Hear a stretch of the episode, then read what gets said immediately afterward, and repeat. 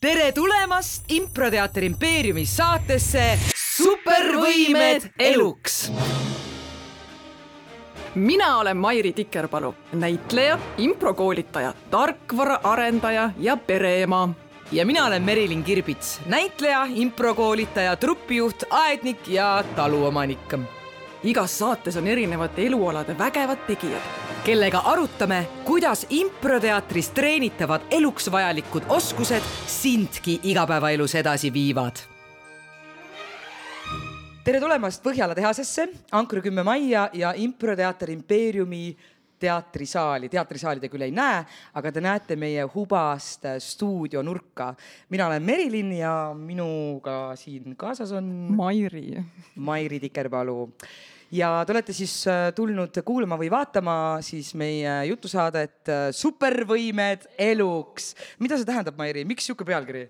No supervõimed ehk siis äh, esinemise julgus, koostööoskus, loovus, kõik head omadused, mida on ju igalühel elus vaja, olenevalt sellest, mis ameti peal ta on. ja just need ongi need oskused on ju, mida meie oma siis rakendusimprokoolitustel ka inimestele edasi anname, aga kõik ju, kõik inimesed ei jõua ju meie koolitustel. absoluutselt. ja see on selline suurepärane viis jagada edasi oma teadmisi, nippe õppe, ka külaliste kogemusi, et siis äh, inimene, kes kuulab, vaatab, saab minna äkki oma järgmisele esinemisolukorrale vastu julgemalt.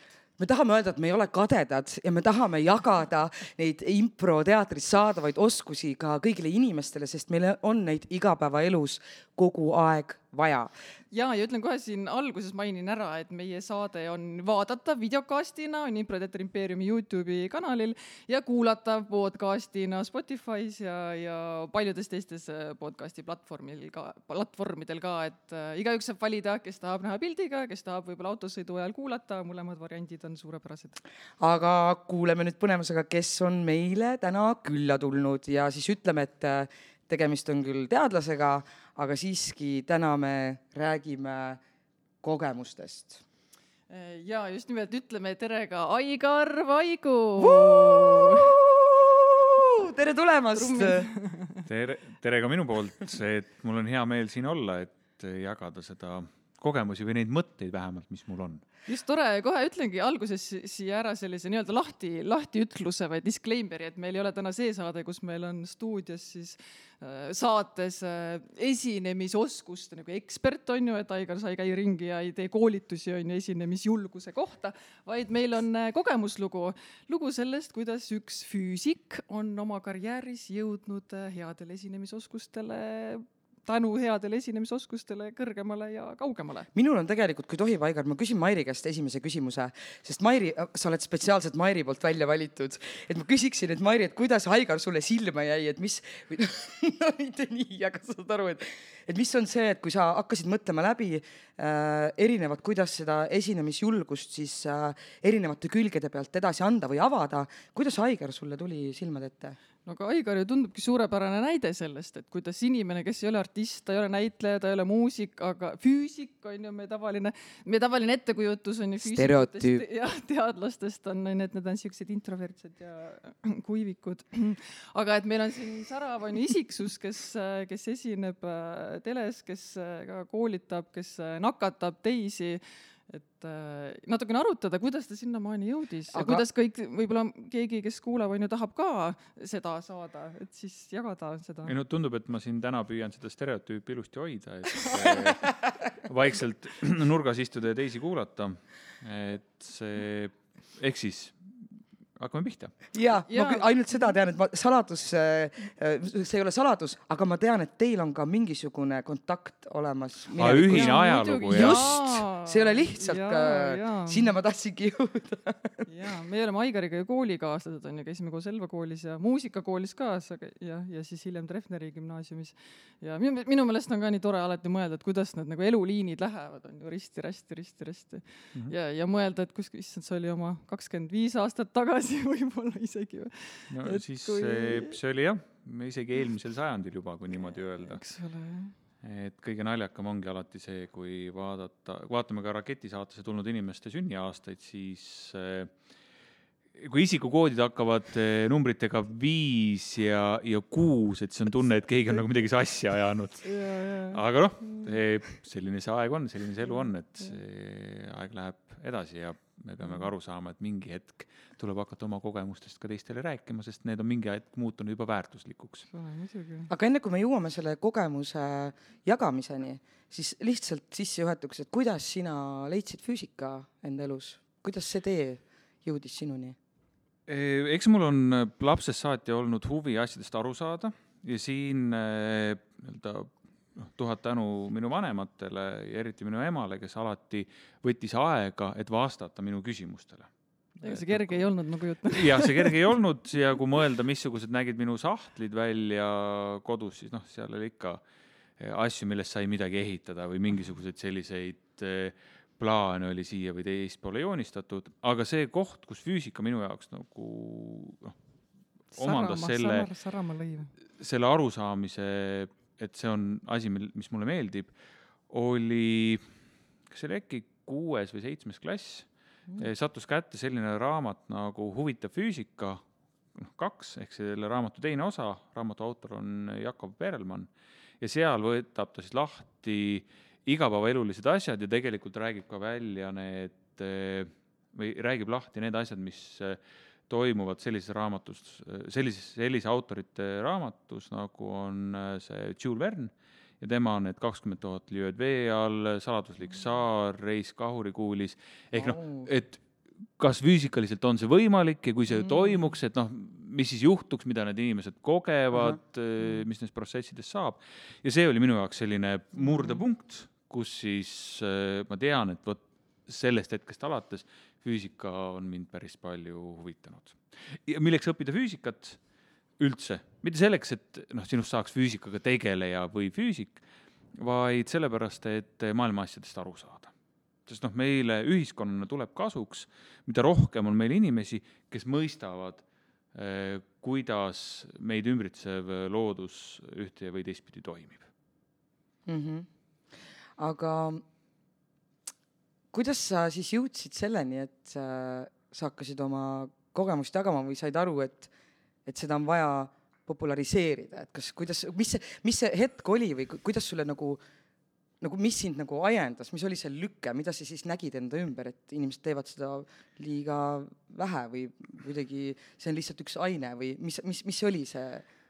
Siin on mitu ta tahku sellel teemal, et eh, ühelt poolt vaadates jah, et küsimus, kas see populariseerimise sõna on üldse nagu õige asi, et noh, asi, mhm. mis on vajalik, et kas eh, seda üldse on vaja populariseerida. teisest küljest tuleks vaadata, et teadlikkust on vaja tõsta, samamoodi nagu kätepesu on oluline, noh, tõstame siis tead-, teadlikkust, et miks see on oluline, kuidas see meile kasuks tuleb ja kõik sellised eh, asjad ühte ja teistpidi. Mis mind mõjutanud selles osas on, et oma neid teadmisi jagada ja, ja füüsikast inimestele rääkida. mäletate kunagi, kui Ahhaa-keskus alus, alustas, siis eh, seal eesotsas oli Tiiu Sild, kes siis tegi alguses noh, suuri näitusi. olid seal Tartu näituste majas vist ja siis oli ülikooli spordihoones ja noh, ajaliselt võib-olla vastupidi. ja seal eh, sellised eh, tegelased nagu Henn Voolaid, Koit Timpmann Äh,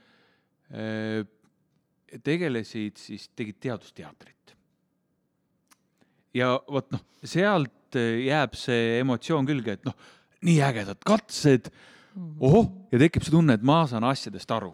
noh, tegelikult noh, sa tollel hetkel võib-olla natuke saad, aga see asjade sügavam sisu, see jääb ikkagi sinu eest varju, aga see noh, see uks tehakse lahti. see emotsioon see tunne Täpselt. on see, mis kannab sind nagu tekib emotsioon ja see emotsioon kannustab seda huvi, mille pealt siis hakata edasi tegutsema.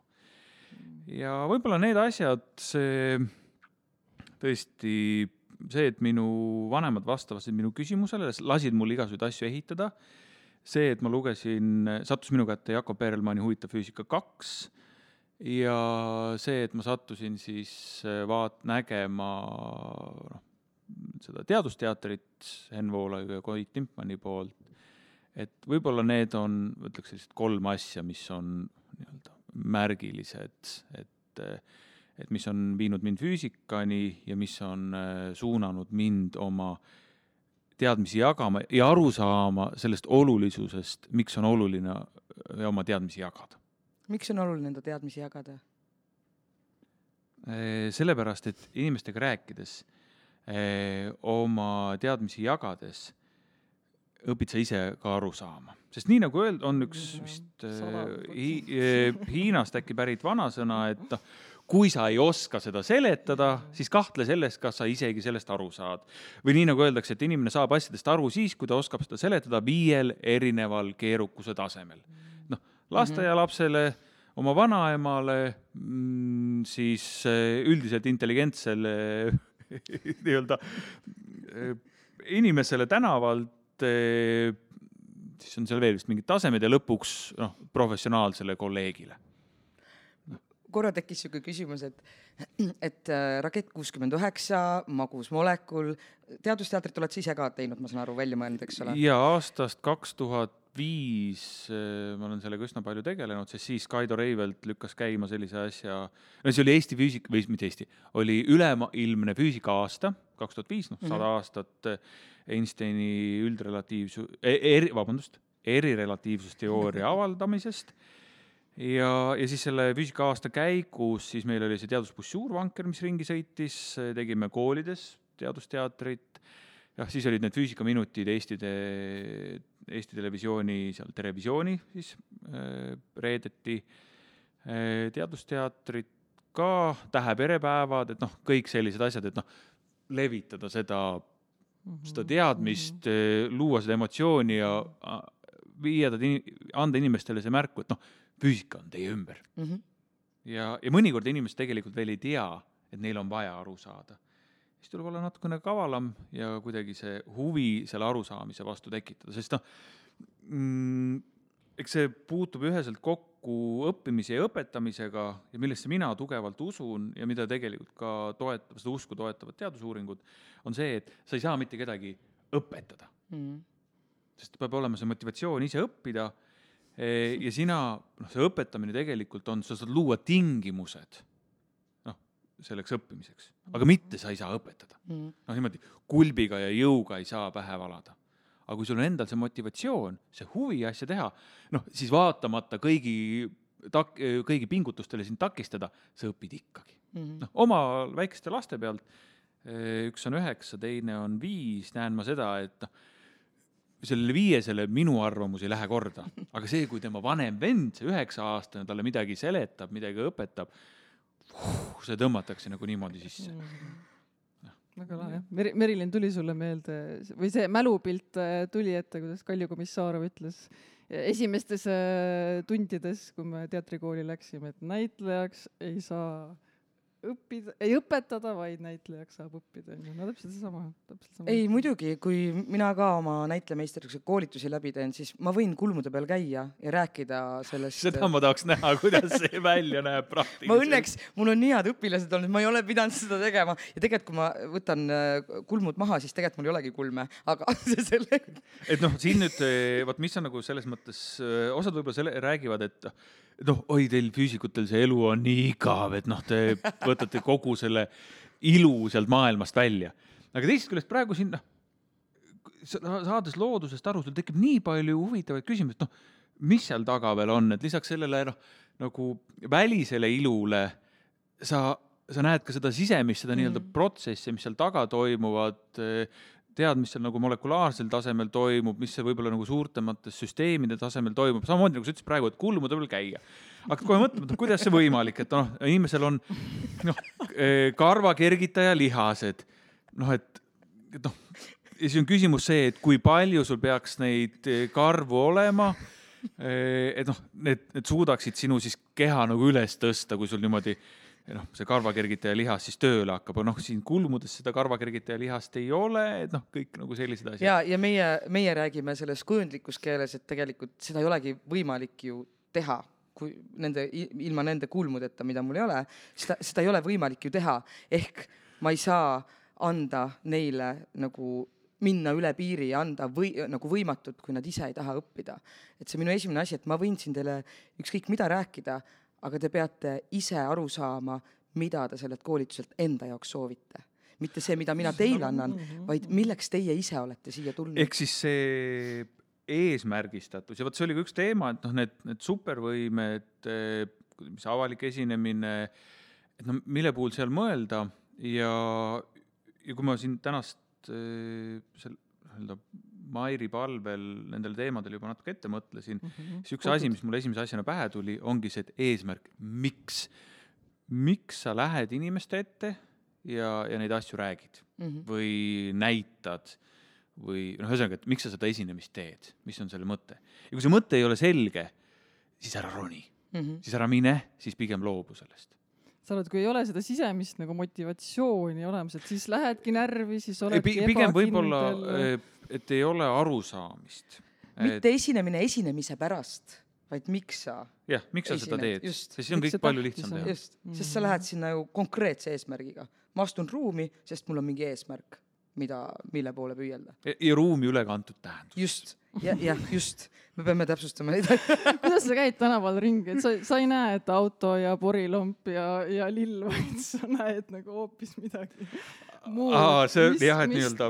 detailid kõik, näed teha... molekule ja neid elektrone ja kõik. teha ennast niimoodi nagu põnevamaks, tahaks öelda, et Matrixi filmi olete näinud jah, nagu, nagu see Neo näeb seda, seda maailma seal taga. mitu erinevat kihti mitte päris, et eks, eks ikka noh, näed neid asju samamoodi nagu kõik teised või vähemalt ma loodan, et ma näen samamoodi nagu kõik teised.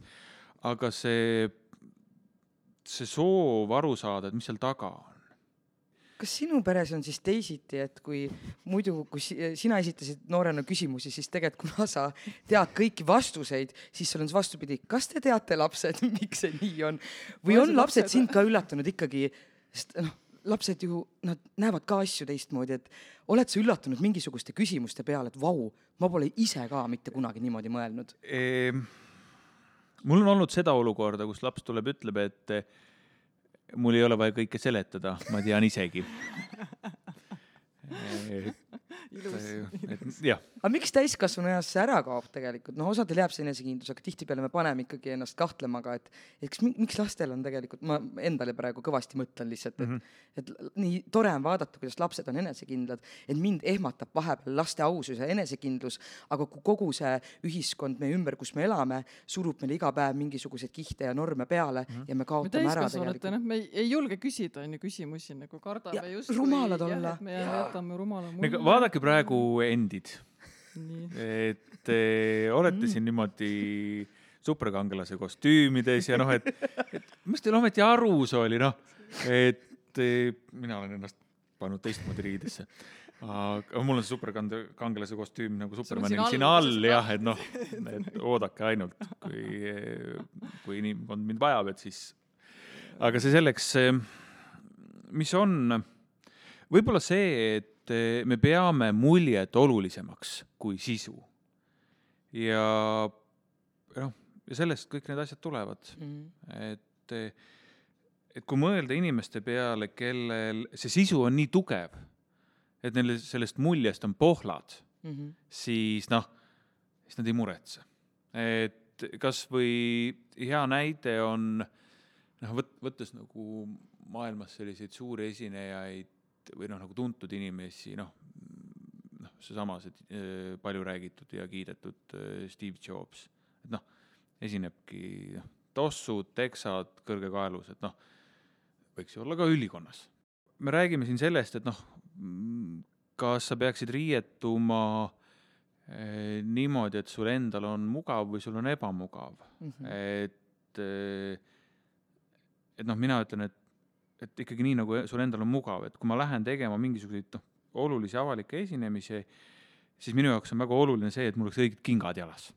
noh, õiged jalanõud mm, -hmm. sest ma tean, et noh, et mul peab olema see maaga see. see on see vundament. jah, see peab olema nagu hea. ja ma olen enda jaoks nagu aru saanud, et asjad, kui mõned esinemised ei ole hästi välja tulnud, siis ma olen tagantjärgi analüüsinud, et noh, kus see põhjus oli ja ma tundsin ennast oma kingades ebamugavalt. ma olen nõus. ja täna ma käin ja kannan hea meelega neid paljasjala jalanõusid, noh need on pehmed, noh, mugavad minu jaoks ja see annab mulle sellise noh, tugeva aluspinna. mis on oluline, on eh, esinemise puhul, ükskõik mis skaalas see on, on ettevalmistus mm. et eh, nii nagu öeldakse, et sa mitte ei joppa oma sellise nagu parima taseme, parima tasemeni, vaid sa alati kukud oma ettevalmistuse, noh, ettevalmistuseni. Kui ettevalmistus on kehv, mm, siis sa, noh, kukud selle ettevalmistuse peale mm. ja, ja sellepärast ettevalmistus peab olema hea ja ettevalmistuse juurde on see, et sa saad aru, miks sa seda teed, kellele sa seda teed, mis on see sõnum, millest sa rääkida tahad või mida sa tahad, et kohale jõuaks. ja, ja siis on see logistiline pool, et noh, sa tunned oma esinemise vahendeid, sa tunned seda ümbrust, sul on endal mugavad riided, sul on noh, see õiged jalanõud ja sul on ka natuke seda plaani, et mis siis saab, kui noh, on need nagu läbi mõeldud mm. ja, ja mul on, ega noh, ma siin kõlan nagu targana, et need asjad on kõik olulised, eks ma olen õppinud seda ka läbi valu, üks, ühte korda mäletan, kus me läksime teadusteatrit tegema eh, praeguse Ahhaa-keskuse juhi Andres Juurega, siis me olime tudengid veel. Ja noh, mõtlesime, et oh, noh, sellest maksti ka. Oli mingi ettevõtte üritus, et noh, lähme, meil on vahendid kaasas, aga noh, enne seda oli tal kehv päev olnud, ma olin vähe maganud, noh, sõitsime kohale, kava ei olnud ette valmistanud. Ja mõtlesime, noh oh,, lähme ruulime. põhimõtteliselt, kui suu lahti tegi, meil endal oli nagu, et appi, me ei taha siin olla, see ei ole nagu see koht. jah, pärast nii-öelda arve maksti ilusti ära aga see, kes meid kutsus, see ürituse korraldaja, ei kutsunud meid vist viisteist aastat eh, mitte kuhugi. ja noh, ma tean, et ühe korra ta on Andrest kuhugi kutsunud, noh, mind ei, ei ole ta kordagi uuesti nagu kutsunud. et noh, näide sellest, et noh, kui sul ettevalmistus on kehv, sealt ei tule mitte midagi. ja, ja siin noh, improteater, ega noh, te ei, te ei tee seda improt niimoodi noh, läksite ülesse ja noh. Ei. see on tohutu ettevalmistus seal taga. Need ettevalmistused on erinevad, eks ole, meil on see tohutu keskendumine, hetkes oleks äh, partneriga kontakti võtmine, kõik need asjad on meie ettevalmistused, sest me ei saa sisu ette valmistada, sellest et me ei, meil ei ole sisu no,. treenime oskusi on ju, mitte ettevalmistus. aga ilma selle eelhäälestuseta, nagu klassikalises teatris, kui sa rolli lood äh,, sul on roll valmis, eks ole, ja kui sa lähed lavale sa ei lähe kunagi lavale nii, et ma lähen lihtsalt mingi komm suus ja kohvikust lihtsalt äh, aa, tšau, räägime pärast edasi. et sa tegelikult mm -hmm. lähed lava kõrvale valmistuma, eelhäälestus, miks ma sinna lavale lähen, sest rollina sa pead ka alati teadma, miks ma astun, miks mu tegelane astub siit uksest sisse ja mida ta tahab sealt see on väga tore, et sa selle teema yeah. nagu sisse tõid, sest jah, nagu hästi tihtipeale ma kuidagi kohtan või kuulan seda, et inimesed arvavad, et, et aga mingid inimesed ongi nagu sündinud esinejad onju, tal tulebki hästi välja onju ja noh, minul ei tule onju, mina ei ole sündinud esineja. aga siin ongi see ettevalmistus onju, et keegi ei lähe lavale, et oh, nüüd mul tuleb nagu varrukast, aga, aga tihtipeale me ei näe onju seda ettevalmistust, et me näeme, kuidas ta särab seal lava peal, tal tuleb kõik nagu mhm. justkui tuleb varrukast, aga tegelikult, mis töö seal taga on onju, seda me ei näe. see on see jäämägi me näeme seda tippu, aga üheksakümmend protsenti sellest asjast on seal taga. eks ma olen äh, noh, nagu noorest peale käinud ka igasugustes näiteringides ja noh, lihtsalt nagu tore oli, noh, seltskond oli tore ja ma mäletan seal äh, Peipsi ääres on mingi rannalaager. Ja siis mäletan see üks Viljandi teatri näitleja ja nüüd on kaks näitlejat, üks on Noormets ja teine on Noormägi vist aga see, kes on prillidega? mõlemad on Noormetsad, üks on Allan ja teine on ah, Andres. ja teine on Andres ja mõlemad on Noormetsad. Allan ja Andres mm,. Andres on prillidega. Andres on prillidega. Allan on hästi pikk. ja vot see, see, kes oli seal see. Õnne kolmeteistkümnes. on, on Allan. ja aga siis Andres Noormets jah ja., vabandust, Noormets. ja tema seal rääkis oma rolli loomest ja, ja kuidas ta sellest noh, rolli läks sisse läbi selle, et ta sai äh, seal teatrilaost sai, laost sai jalanõud, mis olid natukene viltu tallatud. ja siis ta ütles, et noh, et see karakter, mida ta pidi mängima, oli noh, väikese sellise kiiksuga ja nendest ebamugavatest jalanõudest ta sai selle kiiksu kätte. noh, jah, selles rollis sa pead mängima ebamugavat või noh, nagu sellist nagu kiiksuga tegelast seal laval, sul on jalanõud ebamugavad, sa tunned ennast ebamugavalt ja noh, sul ongi noh, siis kogu publik saab sellest aru. aga noh, see, need esinemised, mida mina pean tegema noh, ma ei ole näitleja ja minult äh, inimesed ei oota mm, -hmm. kui nad mind esinemas näevad või kogevad, ei oota seda, et noh, ma oleksin nende jaoks ebamugav. aga see algab mul jalanõudest, mul on mugavad jalanõud, mul on mugav riietus mm. -hmm. et noh, mul, tea, püksid ei kisu, särk on paras, noh, ja noh, kõik sellised asjad aga me sellest ettevalmistusest enne rääkisime, et kas sa oskad veel konkreetsemalt välja tuua, et kui sul on, ma ei tea, lähed sa mingit ettekannet tegema, mingit loengut nagu, et mis see su ettevalmistus on, et kas sa teed PowerPointi, kas sa mõtled omale mingid punktid, kirjutad üles, kas sa teed kodus, ma ei tea, diktsiooniharjutusi või mis need konkreetsemad mingid tegevused? aeg on avada. et see nagu see tibli-tabli kaabli klubi ja, ja kurat keegi kuuleb, oh vot, mis see, mis see ettevalmistus siis tähendab? Äh, rapsas vereämbri või midagi sellist või. issand, kui põnev, oota ma. või mingid sellised mägerpõder, mägerpõder, metskits, metskits, muttkass, muttkass. et äh, neid nagu igasuguseid on mida teha, ma nendest võin ka rääkida, aga nüüd esinemisest rääkides, mina esinemist, me tihti mõtleme selle peale, et noh, kusagil lava peal või mingi PowerPointi presekas või noh, presekas on äkki noortepärane sõna, et, et see PowerPointi esitlus, noh, sajad inimesed vaatavad, aga minu jaoks avalik esinemine on suhtlemine teise inimesega, noh, nagu ongi teise inimesega rääkimine, kuni siis tõesti sul on noh, tuhandeid inimesi, kes sind vaatavad mm. -hmm. ja kõik muud, noh, kõik muud asjad mahuvad, mahuvad sinna vahele. aga ettevalmistused nende asjade jaoks on sageli üsna sarnased. jah, kui ma lähen abikaasaga olulisest teemast rääkima, siis ma ei tee talle PowerPointi esitlust tõenäoliselt saadaks mind pikalt selle peale aga ma ikkagi pean läbi mõtlema, mis on see sõnum, millest ma tahan temaga rääkida. võib-olla läbi mõtlema, kuidas ma seda juttu alustan, kuhu ma välja tahan jõuda. et noh, kõik mees. need asjad, et ma selle, selle sisu mõtlen enda jaoks läbi. ega noh, suvalisel teemal, kui ma kodus ka või oma sõpradega suhtlen, noh, selliseid asju ei ole, aga kui mul on mingi teema mm, -hmm. millest on kindlasti vaja rääkida, tihti on see mingi ebamugav teema, millest mm -hmm. on vaja rääkida.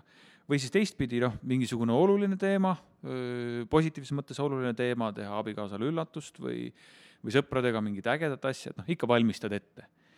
E, mõtled läbi vähemalt, et mis on need sisupunktid ja kui on mingisugused nii-öelda butafooria või need prompts eesti keeles või noh, ütleme see rekvisiit rek,. jah, rekvisiidid mm -hmm. jah, mida sa tahad kasutada et siis mis on need rekvisiidid, mida sa kasutad ja jällegi mõtled selle poole läbi, sest noh, väga oluline asi on logistika. noh, nii nagu ütleb Koit Timpmann, väga kõva teadusteatri tegija, kellel tegelikult ka paljudel näitlejatel oleks väga palju õppida, sest noh, ta on nagu hämmas, noh, ta on nagu, ma ütleks, et maailma tipp. paneme ja... selle nime pärast sinna videokasti tutvustavasse, tutvustavasse teksti. et siis Koit ütleb alati seda, et logistika, logistika, logistika ehk mis ta mõtleb selle all? ta mõtleb selle all seda, et, et kui teha teadusteatrit, siis seal on sul väga palju neid rekvisiite, mida sa kasutad mm. -hmm. sa pead valdama neid, sa pead oskama nendega ümber käia, sa pead teadma, kus nad on, sa pead tundma nende hingeelu, sa pead eelnevalt nendega harjutama, et noh, kogu see pool ja isegi see logistika, et noh, kuidas sa seal noh, lava peal ühte või teistpidi liigud väga sarnane ikkagi äh, teatris rolliloomele. väga, et sa õpid asjad. tundma seda kas või seal lavalist keskkonda, et kui sa pead mängima seda, et ma elan siin ruumis mm -hmm. ja ma lähen esietendusel alles sinna ruumi mängima, siis see on läbikukkumine.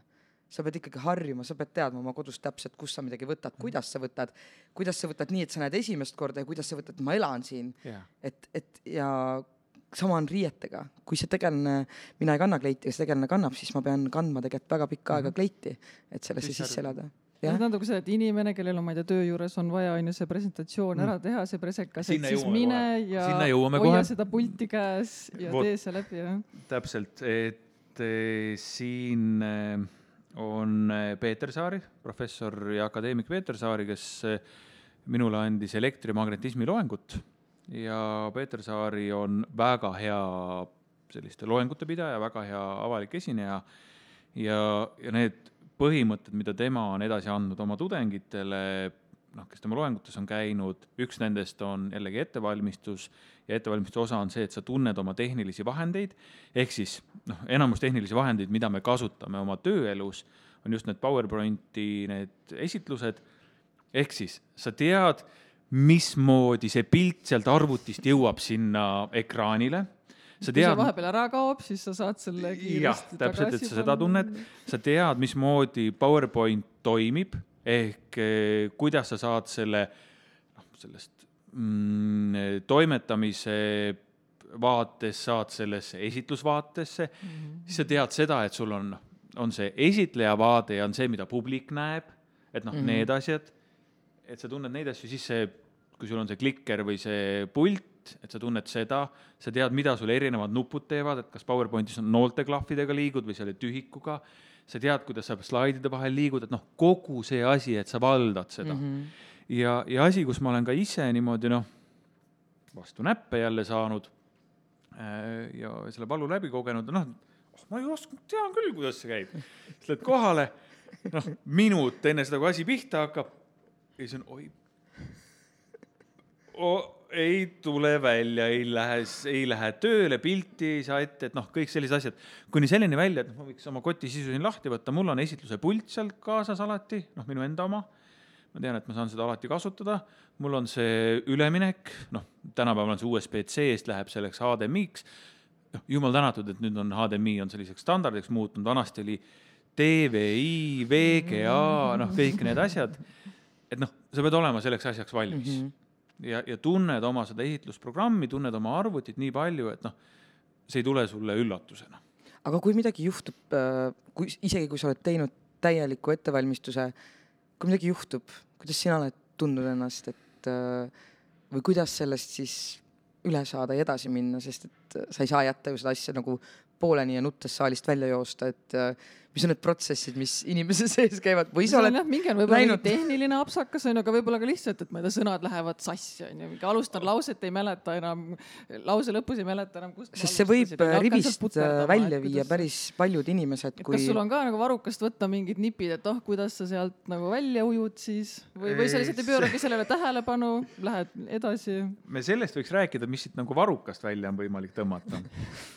aga eh, ma vaatasin selle esitlemis, selle tänase kohtumise jaoks oma selle ja eelnevate aastate esitlusi, siis alates kahe tuhande üheteistkümnendast, ei, vabandust, kahe tuhande kahekümne esimese aasta novembrist olen ma teinud PowerPointiga esitlusi, noh, mis on olnud nagu päris Mhm. PowerPointiga asjad, see oli nelikümmend kolm korda.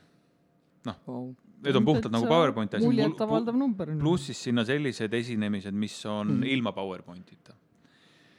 ja, ja kus see, ja noh, pluss siis nagu need sellised tööalased eh, noh, kus sul on need eh, ma ei tea, et räägime eelarvest või räägime sellest projektist, et noh, pluss need veel juurde, aga noh, koosolekute. koosoleku esitlused, aga need eh, pealt neljakümne on olnud sellised noh, kuhu mind on kutsutud, et tule räägi sellest teemast mm. -hmm. meil on vaja sellist teemat. kus me pihta hakkame? noh, esiteks sa pead eh, eh, kui see nagu pauk käib seal lava peal või noh, nimetame siis lavaks seda esinemise mm, -hmm. kus sa esined. kui see pauk käib, noh siis sa enam midagi ei päästa. ja kõik, mida sa teed, seal on puhtalt ettevalmistuse pealt. noh, kui sa valdad oma teemat mm, -hmm. väga hea asi. Sa saad sellest rääkida. sa, ja sa valdad oma teemat siis, kui sa ütled, et noh, öösel kell kolm sõber helistab, et kuule, räägi mulle nüüd sel teemal kui selle, selle taseme oled saavutanud, on kõik väga hästi. ja mul on ka oma tüüp teemad, millest ma olen võimeline rääkima.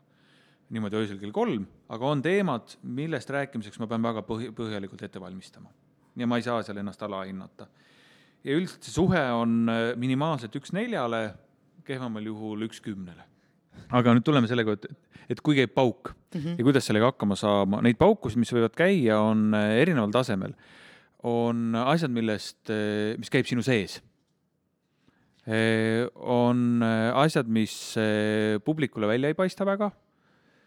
on suured tehnilised eh, sellised apsakad, mille puhul on niimoodi, et noh, publik ka saab aru. ja siis on sellised paugud, et noh, maja põleb. noh, erinevatele paukudele pead sa reageerima erinevalt. Kui on pauk, mis käib sinu sees, mis on see, et noh, noh, et ma ei mäletagi, millest ma rääkima pean mm. -hmm. siis noh, minul on seal see taktika, et mul on olemas asjad, noh, ka selles ettevalmistatavasse materjali on kirja pandud noh, kas mingi nali või mingi lugu, millega ma saan ennast sellele noh, noh, saan taastada selle endise olukorra nii hästi sul kui on see võimalik. plaan B olemas, Jah. kui sa lähed, sul on olemas see plaan B. ettevalmistus, Jällegi jällegi ettevalmistus. ettevalmistus ja siis eh, kui käib tehniline pauk, kui see tehniline pauk on minu süü, noh Mm., see, et ei ühendu või Ei ole. ma, ma ei oska vahetada ekraani, noh, siis sellele aitab see, et, et ma tunnen oma programmi ja, ja kui ma ei saagi sellega hakkama, siis ma lähen lihtsalt edasi. noh, mida ka Peeter Saari õpetas, et kui see pauk võib olla ka see, et sa jääd ajaga hätta, siis lihtsalt mine edasi ja jäta mingid asjad vahele, sa tunned oma esitlust või oma ettekannet nii hästi, jäta vahele, ära mitte kunagi tee seda, et sa kiirustad üle, vaid et noh, julmalt öö, lõika lühemaks, sa tunned ise oma materjali. kui see pauk on selline, et eh, mis ei sõltu sinust, noh, mul on olnud selliseid esitlusi ka või noh, et eh, teine, et ma teen ka päevajuhtimist või sellist nagu modereerimist, siis seal mõni esineja sõidab üle, lihtsalt noh, räägib mm., siis on sul mingisugused taktikad, mis on läbi mõeldud, kuidas seda kinni tõmmata. või eh, noh, kui mikrofonid lõpetavad töö, noh, siis, siis siin aitab ainult see, et noh, olenevalt saali suurust, sa oled jällegi mingid asjad läbi mõelnud. või kui esitlustehnika paneb pildi kotti, sul on hübriidettekanne, noh, siis sa sinnapoole ei tee mitte midagi. aga need, kes sul on saalis, kui sul on pabertahvel, ma olen harjutanud teadlikult, kuidas joonistada mingeid asju. noh, ma ei ole onu Raivo, ma ei saa sellega hakkama, aga ma teadlikult harjutasin mingeid asju ja sul on võimalik jällegi jätta väga hea mulje, et sa oskad noh, joonistada. näiteks tahvli peale kirjutamine, et sa ei kirjuta niimoodi, vaid sa tegelikult kirjutad ka läbi joonistamise. Mm. et see jällegi, ka see, et sa kirjutad aeglaselt, tõmbab selle tempo maha. et noh, sina seal ees, kui oled, millest ma olen jällegi läbi valu aru saanud, on see, et sina oled selle grupi juht sellel hetkel, sina oled see liider, sa tead, kuhu poole me liigume, mismoodi ja sina pead jääma rahulikuks. meil on tegelikult impros põhimõtteliselt täpselt sama, et kui meie tunneme suurt ärevust tundmatuse eest, mis meil tegema hakkame mm -hmm. ja seda on välja näha, siis on publikul ka ebamugav. jah, et äh, meie ise tekitame selle energia, mis meil täna siin äh, juhtuma hakkab. Ja jagame seda ka nii-öelda publikuga, ehk kes on tulnud siis meid kuulama nii-öelda. aga tõesti, et, et see ettevalmistus, et ma tean ükskõik, mis juhtub, on olemas variandid ja kui nagu inimesed näevad, et ta jumala sujuvalt ja rahulikult läheb lihtsalt, aa, see ei tööta, selge, läheb üle või, või, või võrreldes sellega, siis see tekitab teistes kohe seda sisemist äh, närvilist tunnet ka mm. -hmm. nii-öelda ja sealt edasi on ka keerulisem minna. et siin eh, taga on jällegi see, et noh, näitlejana sul on mingid rollid, mida sa võtad. aga noh, mina saan esineda jällegi noh, selles rollis, kes ma olen. vabandust. mul on jah mingi roll, et noh, et kas ma olen, olen ettevõtte juht, olen lapsevanem, olen abikaasa, olen sõber, olen teaduse populariseerija, noh, see roll jah, on, et no mis vaatenurgast ma seda asja räägin aga ikkagi on see positiivne roll, et ma tahan seal olla, olen positiivne kangle, kangelane, räägin nendest asjadest. ja isegi kui on keerulised teemad, siis ma mõtlen ja olen enda jaoks läbi mõelnud, mis on see suurem pilt, miks ma siin olen. mis on see, mida ma nendele inimestele anda saan ja, ja kui nad küsivad ka neid ebameeldivaid küsimusi, noh, see on, no kui sul on paba, pahatahtlik inimene saalis, võib-olla teie olete ka ise tundnud seda, et noh, et noh- ma tahtsin küsida seda jaa, mis, kuidas sa sellega toime tuled? pahatahtlikke inimesi lihtsalt ignoreerid. või siis on mingi hetk, kui sa tead juba ette, et on see pahatahtlik inimene saalis, siis eh, noh, mida ma olen kasutanud, kui on oht väga suur selleks, ütled reeglid ära. Mida ma olen teinud ka mingitel koolitustel või esinemistel inimeste ees, noh, kui nad ei ole ka teadlikult pahatahtlikud, siis nagu teadmatult võid sa olla ka nagu pahatahtlik. Esineja suhtes on see, et noh, sest ei tea mingitest asjadest, jätad oma telefoni sisse või noh, siis on noh, oleme öelnud, et noh, mulle ei meeldi, kui minu peale urisetakse, seega palun pange oma telefonid hääletule režiimile ja kui te tahate midagi lugeda, noh siis palun tehke seda ruumist väljas, et noh, see ei ole see, see koht, kus nagu. Ennetan jah ära, et- ja siis ma ütlen ka, et noh, mis on äh, jällegi see eesmärk, mille, mida ma sellelt äh, koolituselt, sellelt loengult, sellelt esinemiselt, sellelt koosolekult, asjadelt tahan. et noh, kirjeldan need asjad ette ära.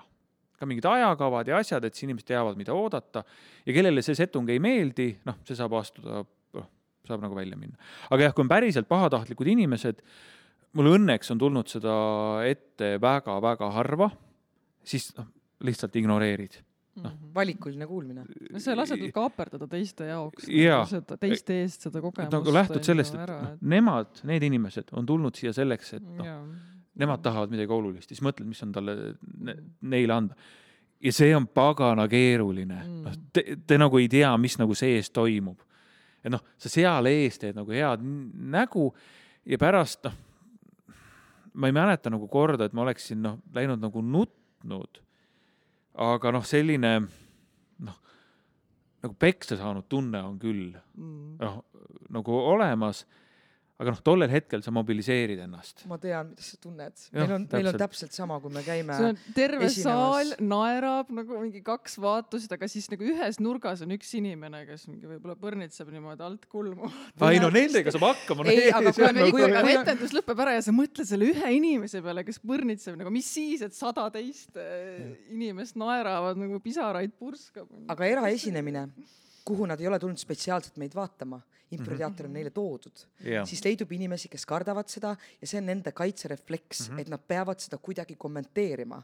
ja, ja mul, mul oli see küsimus mõeldud valmis, et kuidas sina tuled toime sellega, kui saalis ongi pahatahtlik, see on nii, nii äge, et sa selleni jõudsid. ja muidugi ongi valikuline kuulmine ma tean seda protsessi, ma tea, tunnen seda protsessi, ma tean, mis see tähendab aga mina olen kasutanud ka, ma ei tea, miks, aga kuidagi automaatselt on tekkinud see, et ma võtan ta meelega fookusesse. ma toon ta välja. seda on äh, jah, mulle õpetanud nii Peeter Saari kui ka tegelikult Mart Noorma. Mardi võiksite ka siia kutsuda, et Mart on äh, selles mõttes Pane kirja. väga, väga hea ja, ja Mart on selles väga oskuslik, et ta toob äh, noh, paneb need inimesed fookusesse ja siis äh, ja ta teeb seda nii hästi, et sellel inimesel on äh, positiivne tunne, et selles mõttes on mitte negatiivne, Jah. just Mm, -hmm. sest et tal Vaid on mingi põhjus, ta, tal peab millestki üle saama mm -hmm. ja Mhm. ma tahan teda aidata, minu eesmärk pole ju teda nagu maha suruda mm -hmm. Mhm. või teda blokkida, vaid tegelikult ma tahaks teda aidata, et meil tekiks päriselt dialoog nii-öelda siin vahel. kas see on natukene see efekt, et kui see koer äh, klähvib vaata selle kinnise värava taga onju, kui sa teed selle värava lahti, vaata siis ta jääb siis on jah, teine teema. nüüd rääkides veel ettevalmistusest mm, Mhm. -hmm. siis jõuame nende eh, noh, me oleme rääkinud riietusest, sellest, et sa oled mugav, sa tead teemat, kõik need asjad ja nüüd räägime tehnilistest vahenditest ka ja nüüd on see PowerPoint, mida tuleb tihti teha. on eh, väga palju häid esinejaid, kes räägivad, et neil ei ole seda esitlust taga. üks eh, noh, minu noh, nagu selline, kelle ma alt üles vaatan, on Martin Herem, noh, tema räägib alati noh, noh, sa jääd kuulama ja saad aru, et noh, tal on see sisu seal taga, tugev sisu, noh loomulikult eh, noh, elukutse aitab ka kaasa. aga kui sul noh, ta pead ikkagi esitluse tegema, siis esitluse puhul on mõned sellised psühholoogilised nipid, mida sa saad teha, et see oleks selgem. esiteks, see esitlus ei ole staar. sina oled, et see esitlus peab toetama esitlusele mitte kunagi ei ole mõtet seda üle koormata väga metsiku tekstiga. sest noh, siis hakkavad inimesed lugema Mm. ja siis tekib see tunne, et noh, ma jõuan kiiremini lugeda, kui noh, see tropp seal ees äh, rääkida. et noh, see on asi, mille ma jaoks endale selgeks võt-, võtsin. siis äh, äh, ja, ja esitluste puhul mõtle need niimoodi läbi, et kui on ka informatsiooni tihe see asi, siis aita inimesel oma fookust juhtida siia, siia, siia mm. -hmm. siia. et kuidagi siis noh, PowerPointis on väga palju selliseid võimalusi, noh, Mhm. esiletoomisega, mingite Teksti kastide ümberpanemisega, halliks muutmisega ja kõik sellised asjad. et need ja üks hea lihtne reegel ka, mida mina olen kasutanud siis selle teksti suuruse valimisel, on see, et võta kõige vanem inimene saalis, jaga tema vanus kahega ja see on kõige väiksem fond, mida kasutada. noh, et noh, kui sul on suur fond, siis sa ei saa sinna ka füüsiliselt väga palju teksti panna. -hmm. et kui sa just ei tee kaheksa-aastastele, et noh, siis ei ole mõtet neljast fonti kasutada. et, et need asjad. et ja ja siis sul tuleb see esitlus läbi harjutada selles mõttes, et sa ikkagi räägid ta enda jaoks läbi ja võtad aega, et sa saad aru, et noh, mis tempo see on, millega sa lähed. alati, jällegi, mida ma olen ka Peeter Saarist lõppinud või mida tema soovitas, oma esitluse lõppu, kui sa teed näiteks, kaitsed oma siis akadeemilist kraadi või bakalaureusetööd või noh, mida iganes, või ka mingit kursusetööd, siis sa tead, on mingid teemad, millest sa tahaksid rääkida, ajaliselt aega ei ole aga sa tead, et tuleb küsimustest, kindlasti keegi võib sellest küsida või ka see, et kui keegi küsib, sa viid teema sujuvalt oma teemale ja sul on varuslaidid lõpus. noh, et sa tead, sellest ilusti saad mm. rääkida. oh, väga hea, et te küsisite. vot mm. selle kohta tahan ma täpselt öelda seda. ja siis näitad oma seda slaidi ja see on, sellega sa saad niimoodi noh, kümme punkti kümnest kohe, vau, ta on selle niimoodi ette valmistanud, kui äge inimene.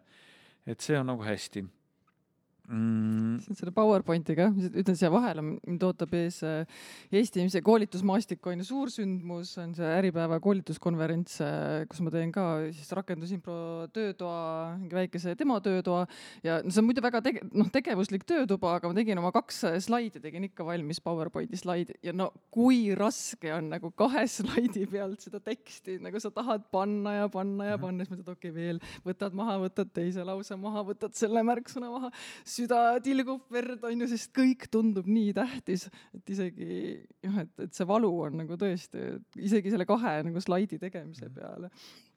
ja siis on äh, üks teema, mis veel ettevalmistamise puhul, et on osad inimesed, kes kirjutavad omale teksti välja ja loevad seda maha eh,. mida me ootame vaatajana, kuulajana, on see, et seal on noh, elu sees. kui sa loed teksti maha, siis, ja kui me ei ole just elukutseline uudisteankur, siis ta jääb selliseks noh, noh, halvemal juhul kehvaks luuletuse mahalugemiseks, hullemal juhul on lihtsalt selline noh, elutu tuim tekst, isegi tehis, tehisintellekt teeb seda paremini. aga seal aitab see, et algul võib selle teksti küll kirja panna, aga lõpuks sa pead jõudma seda harjutades ja läbi mõeldes lihtsalt kavapunktideni. ka tänaseks siin teiega rääkimiseks on mul tehtud nagu selline noh, sisupuu, et ma tean, et noh, mis teemasid ma tahan katta. ja samamoodi ka oma avaliku esinemise puhul, et sul on sisupunktid ja kui on nüüd mingi oluline lause, kus on sõnastus on oluline, vot siis selle võib endal välja kirjutada ja selle pähe õppida mm. -hmm. mitte, et ei loe maha, vaid et sa tead, on, mis see sõnastus on. ja avaliku esinemise koha pealt, eh, mis raamat on mind ka palju aidanud, on Raul Rebane ja tema see Hirmust eduni. Vau, noh, loed igal, iga rida on puhas kuld.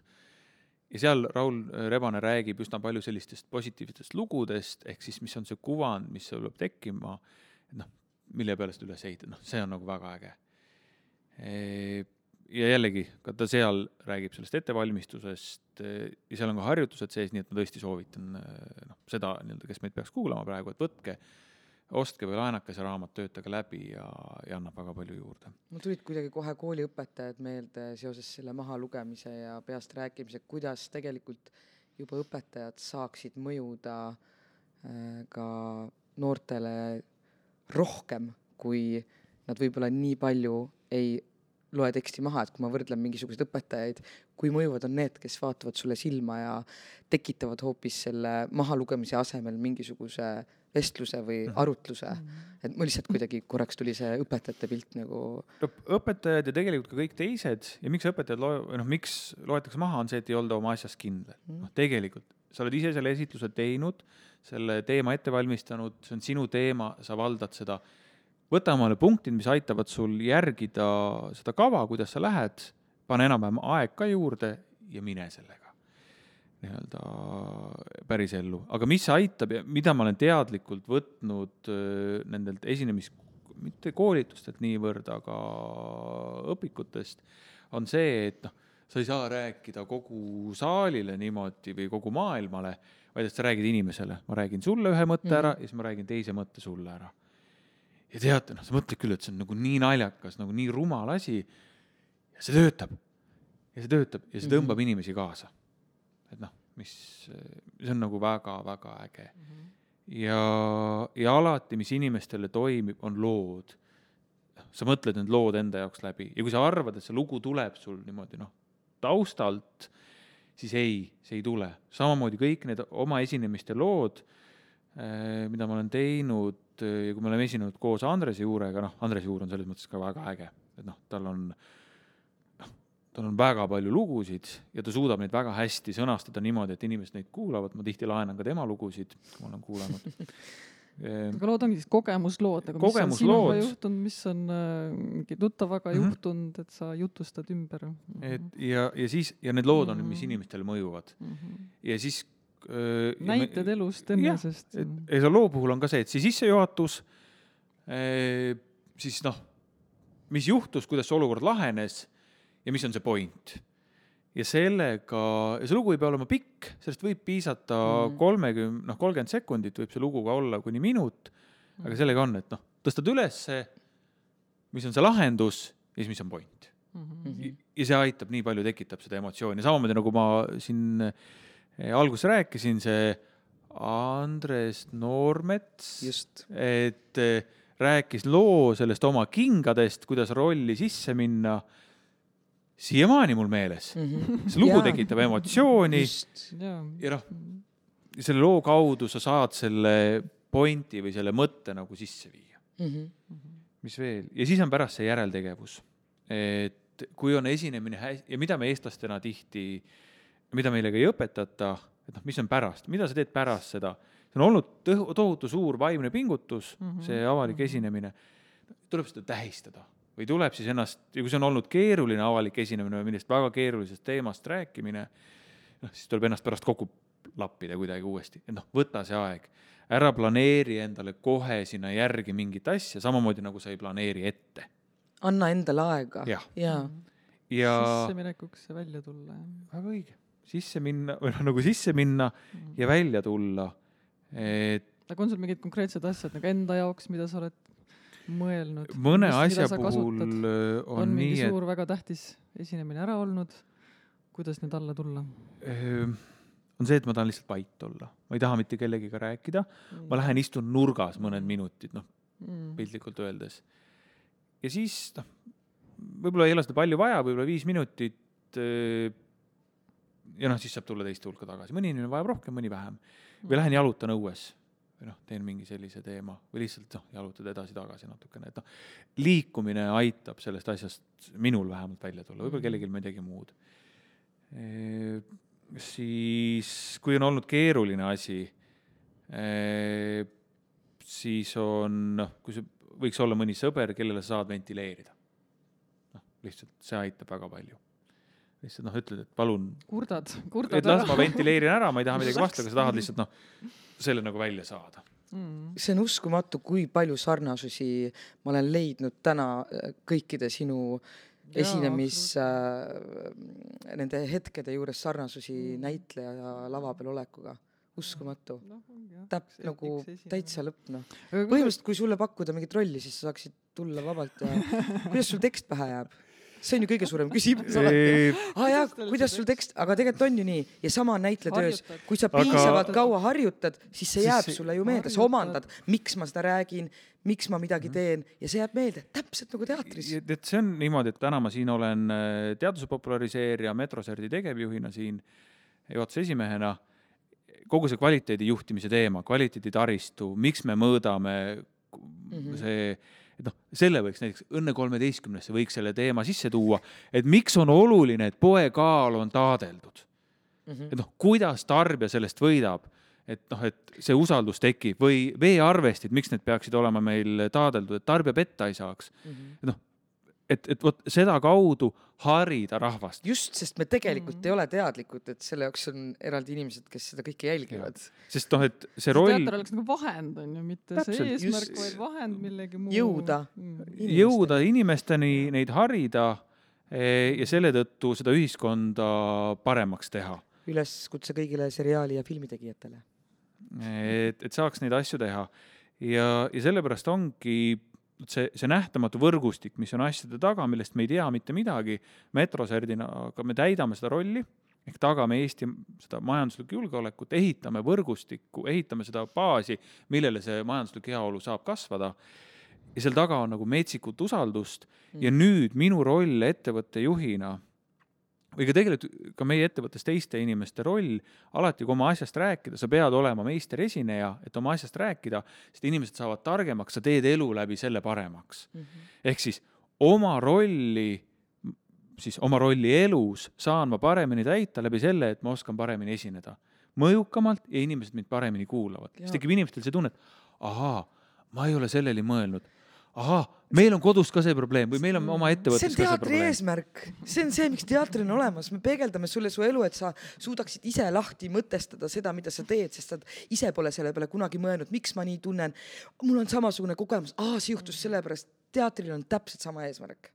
see on nii äge, kuhu me jõudnud oleme täna me teeme täpselt sama asja aga kuidas, kui jah, täna on selline sinu äh, kogemuslugu, eks ole, mida -hmm. me siin äh, lahkasime, et äh, hästi palju kuulsime seda, et kuhu sa nii, kuhu sa praegu oled jõudnud, on ju, kõik needsamad nipid, kõik need teadmised, aga võib-olla küsiks hoopis lõppu, et kust sa alustasid, et sa korra mainisid seda näiteringi, et kuidas on sinust saanud selline hea esineja, sa oled, sa mainisid ka, et sa oled, lugesid, on ju, oled raamatuid lugenud, selles mõttes iseennast teemasse sisse viinud. ja siis see teadusteater oli see. jah, jah, julgus need esimesed esinemised nagu teha, et kui on mõni inimene, kes tahaks ka kunagi jõuda, jõuda sinna, on ju, kus sina oled, mõni füüsik, aga ei julge veel, siis kus need esimesed sammud?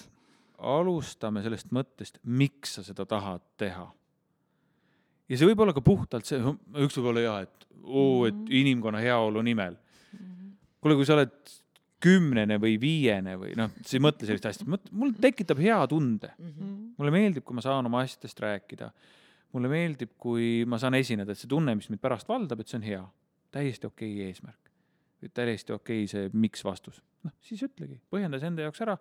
ja nüüd see hea esinemine on vahend, kas endale selle hea e, e, hea tunde see on vahend kas endale hea tunde tekitamiseks, kas see on vahend oma ideede mahamüümiseks see on äh, hea vahend mingise suurema muutuse tekitamiseks. et noh, et esinemine on eelkõige vahend mm, -hmm. vahend millegi saavutamiseks. ja kui see on selge, siis neid äh, ressursse, millega edasi minna, on väga palju. miks ma seal äh, käisin selles näiteringis? noh, mingisugust huvitegevust oli vaja. noh, ja, ja see oli üks selliseid toredaid huvitegevusi mida kasutusele võtta, et näitering ei olnud ainus, ma käisin tööõpetuse ringis, mis oli tore, käisin äh, ka kergejõustikutrennis. sa tahtsid saada sportlaseks? ei tahtnud. ei tahtnud? ei tahtnud. Äh, aga see füüsiline liikumine, see tunne, mille ma sealt sain, see oli äge, see seltskond oli äge. sest noh, ma mitte kunagi peaaegu ei võitnud ühtegi võist-, ei võitnud ühtegi võistlust, noh, sest ma noh, ei olnud kas neid füüsilisi eeldusi või ma ei panustanud sinna nii palju mm, -hmm. aga mulle meeldis see tunne, see, mille ma sealt sain mm. -hmm. mis oli veel, äh, Treffneris tegelesin äh, rahvatantsuga, sellepärast et mulle meeldis jällegi see füüsiline liikumine mm. -hmm. ja rääkides ka lava peal esinemisest, siis see koroonaaeg ja need videokonverentsid ja need esinemised mm -hmm. olid üsna keerulised minu jaoks sellepärast, et nad olid paigal ja siis tihti istudes aga siis ma avastasin, et tõstetavaid laudu on ka olemas. lased selle laua üles, sa teed seda püsti seistes mm. -hmm ja juba oluliselt parem ja siis paned oma käte liikumisega sinna juurde, loomulikult seal ekraani taga noh, liigutad väiksemalt, aga, aga see annab sulle seda vabadust ja. juurde. ja samamoodi, kui sa esined suurema seltskonna ees, siis võta ja liigu mm. -hmm. ja koosolek on ka avalik esinemine, planeeri pausid sisse. teeb asja jälle kõik palju paremaks mm. -hmm noh, sa saad liikuma, et see noh, me oleme selle kehaga üks tervik. ja noh, sinu aju ei ole lihtsalt, või mitte aju, vabandust, sinu keha ei ole lihtsalt vahend aju transportimiseks, vaid see on üks, üks, üks nagu asi või noh, üks tervik. ja, ja sellest tuleb aru saada, seda tuleb endale teadvustada. samamoodi, kui sa lähed esinema, siis jällegi osa ettevalmistamisest, sa ei lähe väga tühja kõhuga ja sa ei lähe väga täiskõhuga seda tegema. ja noh, teater. ja käi pissil ka enne ära, et noh, jalad ristis ei saa seda teha. et noh, kõik sellised asjad, näete, mu veeklaas on siin täis. et ma saaksin siin äh, mõnusalt teie ees esineda tund aega paigal istuda. ja, et kõik need asjad tuleksid, et äh, väikesed asjad, äh, mõelda nende peale ja nüüd, kui me oleme jõudnud oma jutuajamise lõpuossa, siis äh, üks asi, millele tuleb mõelda ja millele me ei mõtle, et järgmine kord olla parem oma esinemises. noh, üks on see, kuidas sellest, siis ütleme, rollist välja tuled mm. -hmm. aga teine on see, et mõtle läbi, mis läks hästi, mis töötas, mis ei töötanud ja, ja pane need järgmiseks korraks endale kirja või mingid märkmed. et mul on, noh, käin ringi sellise märkmikuga, kui mul on telefonis märkmik, kuhu ma panen kirja asjad, oh, see nali, see lugu õnnestus väga hästi. Noh, mõnikord tuli ka see puhtalt nagu impro pealt, ahah, meenub, kuule, selline lugu. teed ära mm -hmm. ja siis pane kirja. just ja mitte ainult negatiivsed ja kriitika, vaid nagu ka head asjad, mis õnnestusid, mis sest... hetkel sa nägid, et äh, publik äh, tuli mm -hmm. kaasa ja kõik need asjad ja. sest äh, et head esinejad, äh, siin mulle meeldib, meenub üks kord, kui ma kutsusin David Vseviavi, noh, suurepärane avalik esineja ja tema, kui ma kutsusin kord füüsikutele esinema ja ta rääkis neid samu lugusid, mida ma olin varem mingites tema esinemistes ku kuulnud. oli mõni, mis oli meie spetsiifiline, aga seal mitu lugu oli sellist, mida ta oli varem rääkinud. noh, üldjoontes. sõnad natuke erinesid, aga põhipoint oli sama, põhiidee oli sama. ja tegelikult ka iga avaliku esinemise puhul noh, taaskasutamine. Head asjad, mis toimivad mm, -hmm. taaskasutada. et noh, sind ei mõista keegi selle pärast hukka, kui on hea lugu, siis ma tahan seda uuesti kuulata. nii nagu me loeme mõnda raamatut ja. üle, vaatame mõnda filmi üle, käime mõnda etendust üle vaatamas mm. -hmm. täpselt samamoodi. või nagu bändi puhul oh,. tehke nüüd see lugu, mida me tahame. ja, ja nii, nii see on, et, et jah, et selline, see esinemine on protsess, seal on ettevalmistus see esinemine ise ja järeltegevused, et kõiki neid on vaja teha, ainult niimoodi saab selle hea esinemise kokku. kas sa ise nägid kunagi, ilmselt sa ei näinud, kuhu sa välja jõuad, et kuidas sa, kui sa vaatad tagasi, sa ei, sa ju ei uskunud, et sa äh, kuidas ma nüüd selgelt sõnastan seda, et äh, ja jah, tore vahe, vahepõige siia, et kui alustada sellest, noh, me alustasime sellest, et me käisime koos koolis onju, et kui mõelda yeah., et kuskil kakskümmend viis aastat tagasi, et keegi oleks mulle öelnud, et kui oled kahekümne viie aasta pärast, et sul on oma teater ja sinna teatrisse tuleb staarfüüsik Aigar Vaigu ja me räägime esinemisjulgusest onju, siis noh, ma oleks vist kuu peale saatnud onju sellise yeah. jutu peale. just, et sa tegelikult ei näinud ju seda ette, aga kuidas sa ennast tunned praegu? mul on olnud elus plaan mida ma tahaksin teha. ja mul on arusaamine ja endale tunnistamine, mida ma oskan, mis mind õnnelikuks teeb ja julgus endale tunnistada, et ma ei saa mingi asjaga hakkama. mis on nagu täi-, noh, samamoodi ma tean, et minust profisportlast mitte kunagi ei saa. vahepeal isegi mõtlesin, et äkki saab minust profi bridžimängija, aga noh, seda ka ei saanud. võin rääkida ka, mis põhjustel. Aga ja nüüd, kui elu toob sulle neid võimalusi ette, noh, juhuseid, ja sul on ettevalmistus, siis sa saad nende juhuste pealt neid ette, selle ettevalmistuse pealt neid juhuseid ära kasutada. ja õnn on see, kui juhus kohtab ettevalmistust. ja kui keegi küsib minu käest, kuidas mul läheb, siis ma alati vastan, et paremini, kui ma väärin, et mul on õnne olnud, ehk siis on, noh, füüsikuna sa tead, universumil on tuhat viisi, kuidas sinu elu õnnetuks teha aga see, et meil täna siin on tuba soe, eh, tervis korras eh, või noh, nii nagu mul üks sõber hästi ütleb selle kohta, et tervis korras, lastel tervis korras, leib laual, tuba soe, kõik muu on boonus mm. -hmm. ehk siis oska asjadest rõõmu tunda, oska olla tänulik, siis sa oled ise rõõmsam, õnnelikum läbi selle, et sa oskad märgata neid juhuseid. just, miks ma siis seda teen? jah ehk siis see miks. tuleb siis leida enda elus. Aigarit võiks vist kuulama jäädagi, aga just. tõmbame siinkohal otsad kokku. aga me ei lase sind veel täiesti ära, sellepärast et teeme lolli nalja lõppu või? esitame Mairiga sulle väljakutse. Ja me oleme Aigari toonud siia väljakutse platsile. täna me teeme, hakkame improviseerima kolmekesi äh, lugusid ja et asi oleks huvitavam, siis me improviseerime neid ühe sõna haaval ehk igaüks saab öelda korraga ainult ühe sõna. püstol, püstol variant, politsei variant nimetatakse, et seega, kui keegi jääb kogelema Jaa. või, või äh, tal tuleb äh, ebaloogiline sõna, siis, Siis me me hakkame kohe otsast peale. ja, ja. selle looga anname maha ja võtame kohe uue, sest et- meie loovus on piiritu ja sealt järjest ju tuleb ja tuleb ja tuleb. aga me pikalt ei tea, ärge muretsege. nii et äh, Mairi alustab ühe sõnaga ja moodustame laused, millest tuleb lugu.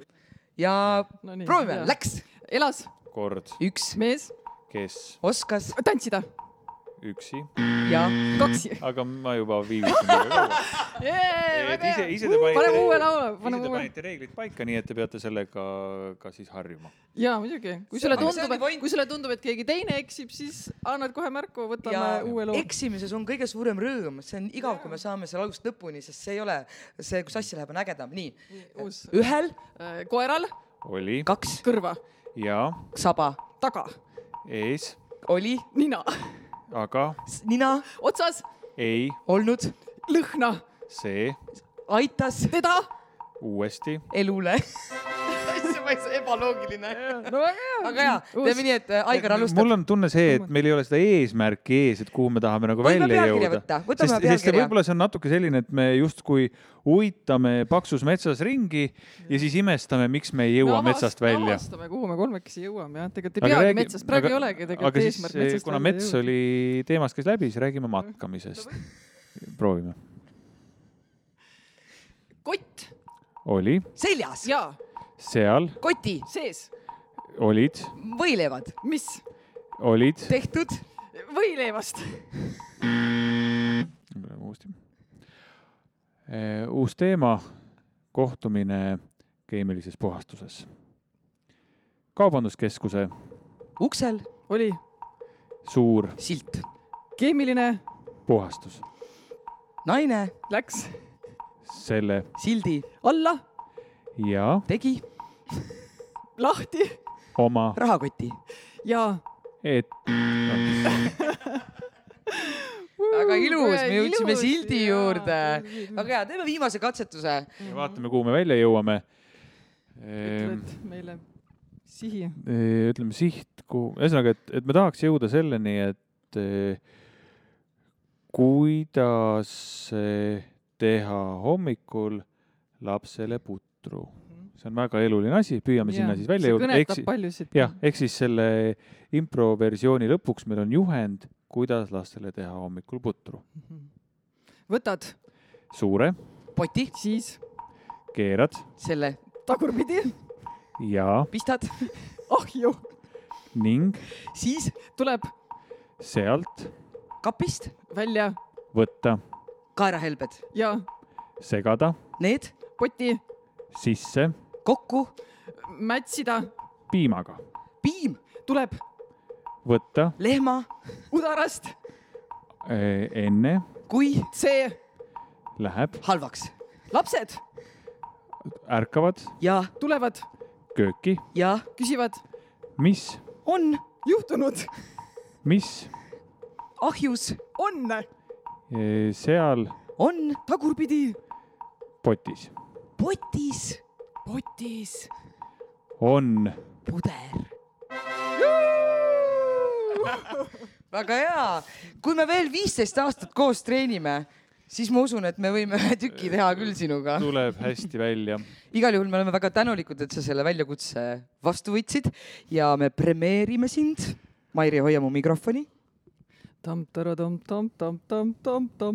trummipõrin, improteatri kinkepiletiga sulle ja su kaaslasega. no tule vaatama, tule vaatama. tule vaata, mida me siin rullime ja mida me siin teeme. E, viisakas oleks siia sisse ka midagi panna. siin on, ei ole, mis sa räägid? näe, siin on. vaata lähemalt. ja kui teie ka. tahate teada, mida improteatris Impeerium tehakse, siis külastage Ankru kümme improteatrit. kohtumiseni järgmises improteatris. ega meil ei olegi rohkem midagi kui lisada, kui elame veel. tšau. supervõimed eluks.